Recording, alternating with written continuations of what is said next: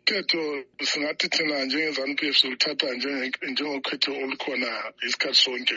ukuthi vele sabe silungiselele njalo abantu sabe sibatshelele ukuthi kuyini esikufuna njengebandla le-zanu p f singabenzela khona kuyikubakhumbuza ngoba silibandla thina elivele lile-constitution kanye mm, lama-policies aqondane lempilo zabantu so kithi kuba lula kakhulu uma loba singena ukhetho ubona zani lizanqoba yini ya uma vele wonke umuntu eseyangena e-ground uyabe khandele ukunqoba and sikhandele futhi njalo lokuthi lolu khetho esilungenayo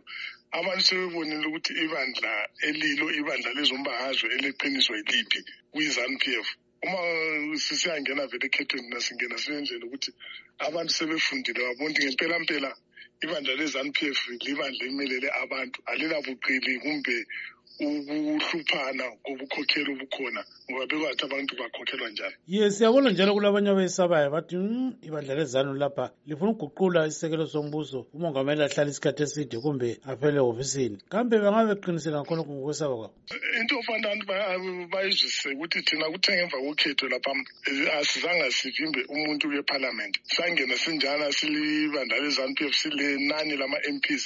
esilawo ukuthe ngoba amanye amabandla besilwa wamemezela ukhetho kambe sasizama eceleni thina sithi khona soze singene kulolu khetho kwakungasoze kuvume thina lathi kwaba lithuba lokuthi hhayi njengoba sokuthiwa sesivela egrawundi um eh, endane ezithize lathi wothini sibuyele kodwa kuyikubana vele abantu bekuzwisisile ukuthi okuqaliseni thina zangasiyala zangasithi khona hhayi sesilama-sixty amalutshwana ngazi-two thirty ayisafuni ngendlela ukuthi i-zanu p f yahlonipha idemokhrasi lokukhetha kwabantu um labona sivuma ukuthi abantu bonke bangene ephalamenti kodwa ngendlela le yagcina sibuya bona e-opposition e, belwisanisa yikho kwenza ukuthi khona kube le ndlela ukuthi kube lalolu khetho sesilwenza kusasa